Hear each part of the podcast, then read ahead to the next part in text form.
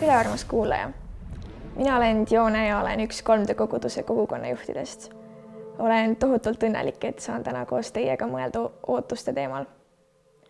ma maalin teie silme ette ühe olukorra. kujuta ette, et sa said ühe väga hea tööpakkumise. see on sinu unistuste töökoht. palk on hea ja kõik tundub justkui ideaalne tunned end enesekindlalt, sest see on see ala, mida sa armastad ja milles sa oled hea Lähed töövestlusele kohale ja kõik sujub. tööandja on väga sõbralik ja kiidab sinu CV-d. ta annab sulle palju lootust. järgmine nädal äh, käid igal päev äh, emaile kontrollimas, et äkki tuli vastus tööandjalt. kaks nädalat möödub ja lõpuks tuleb kauaoodatud kiri, kus öeldi, et sina seda töökohta ei saanud. mis sa tunned? Tõenäoliselt pettumust, kurbust ja võib-olla mingil määral isegi süüdistad ennast, et miks sa endale nii kõrged ootused seadsid ja miks sa üldse unistama hakkasid sellest töökohast, kui sa nüüd isegi ei saanud seda. tuju on halb ja, ja pead jääma enda vanasse igavasse töökohta.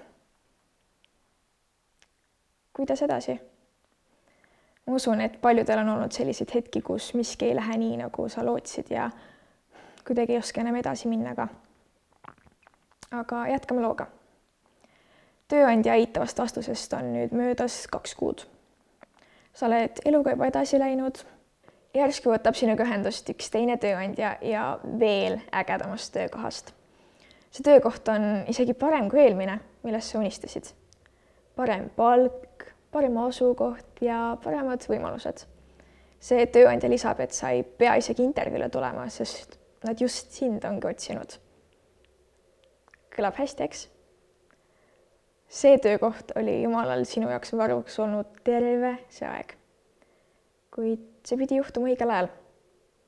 selle kahe kuuga, kus sa tegelesid pettumusega ja kus sa üritasid üle saada, valmistas Jumal sind ette selleks praeguseks töökohaks. nüüd ei kõla ju nii halvasti see kahe kuu tagune pettumus. see oli põhjusega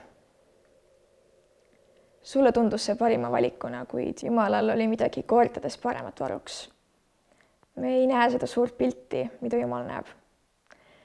minu arvates on see nii võimas, et ka siis, kui me oleme väga pettunud, saame me kindlad olla, et Jumalal on plaan meie eluga ja et tema ei jäta seda olukorda nii. psalmid kolmkümmend seitse viis ütleb, anna oma tee issanda hooleks ja looda tema peale. küll ta toimetab kõik hästi me ei saa muuta olukorda, kuid me saame muuta seda, kuidas me sellega toime tuleme. kui sa oleksid teadnud kohe, et varsti tuleb veel parem tööpakkumine, siis sa poleks üldse ju kurb olnudki, eks. aga vot täpselt nii kindlad saame me olla iga päev, et Jumal teab, mis on meile parim. me ei tea, mis juhtub ja millal, kuid teame, keda me usaldada saame. toon teie silme ette ühe võrdluse minu ootused on väiksem kui Jumala plaan. soovitan teil see meelde jätta, sest see meeldetuletus tuleb alati kasuks. meil võivad olla suured ootused ja unistused, kuid Jumala plaan on suurem ja rohkem läbimõeldud, sest minu ja sinu looja on selle paika seadnud. Jumal teab igaüht isik, isiklikult ja ta teab, mida just sina vajad. ta ei ootagi, et sina kõik välja mõtleksid koguja kolm üksteist ütleb. kõik on ta omal ajal hästi teinud, ta on nende südamesse pannud ka igaviku. ometi ilma, et inimene mõistaks Jumala tehtud tööd algusest lõpuni. sa tead praegu täpselt nii palju, nagu sa pead teadma. ei rohkem ega vähem. aga vahel on hetki, kus Jumal ei vasta su palvetele. see ei tähenda, et sina oleksid mingi pahandusega hakkama saanud see võib tähendada kahte asja. kas Jumal ütleb sulle ei, mitte veel või mul on hoopis midagi paremat varuks sinu jaoks. kui elu läheb vastu ootusi, toimub tavaliselt põgenemine. ei saa esimesest sõidueksamist läbi. no okei okay,, ma ei istu siis enam kunagi autorooli. ei saanud ülikooli sisse. Hm, suva, ma ei proovi ka enam sisse saada. hakkan töötama siis lihtsalt kukkusin suure kontrolltöö läbi. no miks ma üldse õpin? pole motivatsiooni enam pingutamiseks. ma usun, et absoluutselt iga inimene on kogenud läbikukkumist mingis valdkonnas. kas allaandmine on õige otsus? ja miks me põgeneme pärast ebaõnnestumist? sest me ei taha seda uuesti kogeda. suurim tugevus on teada oma identiteeti Jeesuses ja minna edasi. ei tohi lasta teiste ootustel end maha tõmmata. Ja noh, iga kristlane on mingil määral vastu ühiskonna ootuseid. me kristlastena tihti ei tee selliseid otsuseid, nagu maailm ootab. näiteks mulle tundub reede õhtu veetmine piiblit uurides ja jumalaga osaduses olles palju ahvatlevam, kui veeta see õhtu kuskil peol ja noh, sellise valikuga ma justkui ei sobitu ühiskonda. seda lihtsalt ei mõisteta. aga see on okei okay. Ma tean enda väärtust ja ma ei lase teiste arvamusel ennast häirida. tähtis on see, mida Jumal arvab minust. aga heidame nüüd pilgu piiblisse. võtame lahti teise Moosese üks kuni kümme. üks mees Leevi soost läks ja võttis ühe Leevi tütre ja naine jäi lapseootele ning tõi poja ilmale. ta nägi, et see oli ilus ja ta peitis teda kolm kuud. Aga kui ta enam ei saanud teda peita, siis ta võttis tema jaoks pilliroost laeka, pigitas selle maapigi ja vaiguga, pani sellesse lapse ja asetas jõe äärde kõrki asja. ta õde võttis eemalaset, et teada saada, mis temaga juhtub siis tuli Vaarao tütar alla jõe äärde ennast pesema. ta toaneitsid aga kõndisid jõe kaldal. kui ta nägi laegast kõrkjaste sees, siis ta läkitas oma teenija ja laskis selle ära tuua. kui ta seal avas ja nägi last, vaata, siis üks poeglaps nuttis. aga ta halastas tema peale ning ütles, see on üks heebrealaste poeglaps. selle õde ütles siis Vaarao tütrele kas pean minema ja kutsuma sulle Heebrea naiste hulgast imetaja, et ta sulle last imetaks? ja Vaaro tütar vastas temale, mine. Ja tüdruk läks ning kutsus lapse ema. ja Vaaro tütar ütles sellele, vii see laps ja imeta teda minu jaoks ja ma annan sulle tasu. ja naine võttis lapse ning imetas teda kui laps oli kasvanud, siis ta tõi selle Vaarao tütrele ja see võttis tema enesele pojaks. ta pani temale nimeks Mooses ja ütles, sest ma olen ta veest välja tõmmanud. Pisike Mooses asetati jõe äärde kõrkidesse. aga miks? sest sel ajal surmati kõik esmasündinud pojad. Moosese ema peitis teda esimesed kolm kuud ja siis asetas ta jõe äärde et keegi teda ei märkaks ja et ta jääks ellu. jumalal olid suured plaanid Moosese jaoks. ta hoolitses selle eest, et Mooses jääks ellu. kahjuks ei saanud Mooses oma vanematega elada ja noh, sealt läks kõik allamäge. teda ei aktsepteerinud Egiptuse ühiskond, teda ei aktsepteerinud ka need inimesed, keda Mooses proovis aidata. ta tundis, et kogu maailm on tema vastu Mooses oli täis pettumust ja viha ta ei mõistnud, miks teda üldse vaja on ja miks Jumal midagi ei teinud. miski ei läinud nii, nagu Mooses ootas. ta tahtis, et lõpuks ometi midagi head juhtuks. Aga tegelikult samal ajal kasvatas Jumal Moosesest head juhti. küll aga saatan võttis Moosese pettumusest ja ebakindlusest kinni ning Mooses sooritas mõrva. Vaarau kuulis sellest ja proovis Moosest tappa Mooses aga põgenes Midjanimaale. loeme edasi. teise Moosese kolm, üks kuni kaksteist. Mooses karjatas oma äia, Midjani preesti Jitro lambaid ja kitsi. kord ajas ta karja kõrbe taha ja jõudis Jumala mäe Hoorebi juurde. seal ilmutas ennast temale issanda ingel tuleleegis keset kibuvõtse põõsast ja ta vaatas ja ennäe kibuvitsa põõsas põles tules, aga kibuvitsa põõsas ei põlenud ära. ja Mooses mõtles. ma põikan kõrvale ja vaatan seda imet. miks kibuvitsa põõsas ära ei põle? Kui issand nägi, et ta pöördus vaatama, siis Jumal hüüdis teda kibu, kibuvitsa põõsast ja ütles, Mooses, Mooses. ja tema vastas, siin ma olen.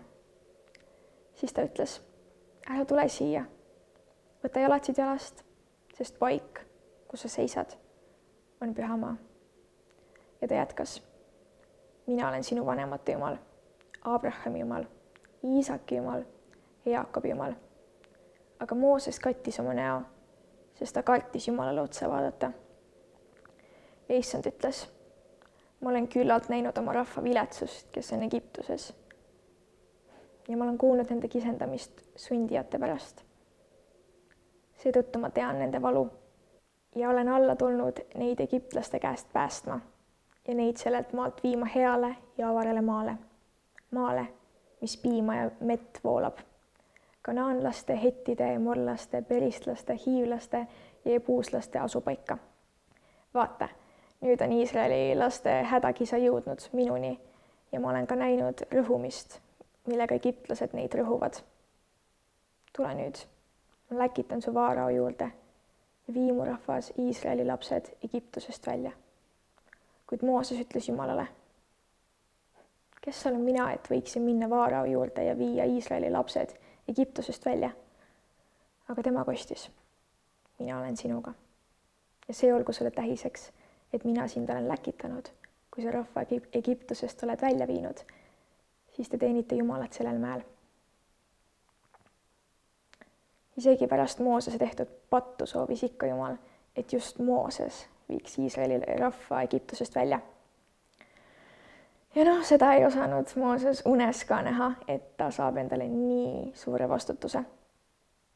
ja just, et Jumal usaldab tema kätte midagi nii suurt Mooses üritas pikalt Jumalat ümber veenda, et tema pole ikka see õige ja tema pole selle ülesande vääriline. siiski Mooses võttis väljakutse vastu. see protsess võttis aega nelikümmend aastat. kuid Mooses koos Jumala abiga sai sellega hakkama. Jumal lubas Moosesele, et ta saab hakkama sellega ja Jumala lubadus läks täide. Mooses kasvas selle neljakümne aastaga veel ja veel lähemale Jumalale minu arvates on see nii hea meeldetuletus, et isegi kui me teeme vigu, siis Jumal on hea ja andestav Jumal. ja kui sa praegu tundsid ennast Moosese loos ära ja sa tunned, et sa oled täis pettumust ja võib-olla isegi natuke kibestumust, siis tea, et Jumal päriselt kogu aeg tegutseb. Jumalal on plaan sinu jaoks ja tema ajastus on kõige parem. vahel see võtab aega viis aastat vahel kümme. ja Moosese näitel isegi veel rohkem. aga otsi Jumalat selles hetkes, kus sa oled praegu. äkki Jumal valmistabki hetkel sind ette millekski väga suureks. hoia Jumalast kinni, sest tema on meie kalju. Jaga ka oma negatiivseid emotsioone temaga, sest ta tahab teada kõike. ma lõpetan ühe looga enda elust umbes kuus aastat tagasi olin ma suvel perega ühes kristlikus laagris. võtsime isegi oma koera sinna kaasa.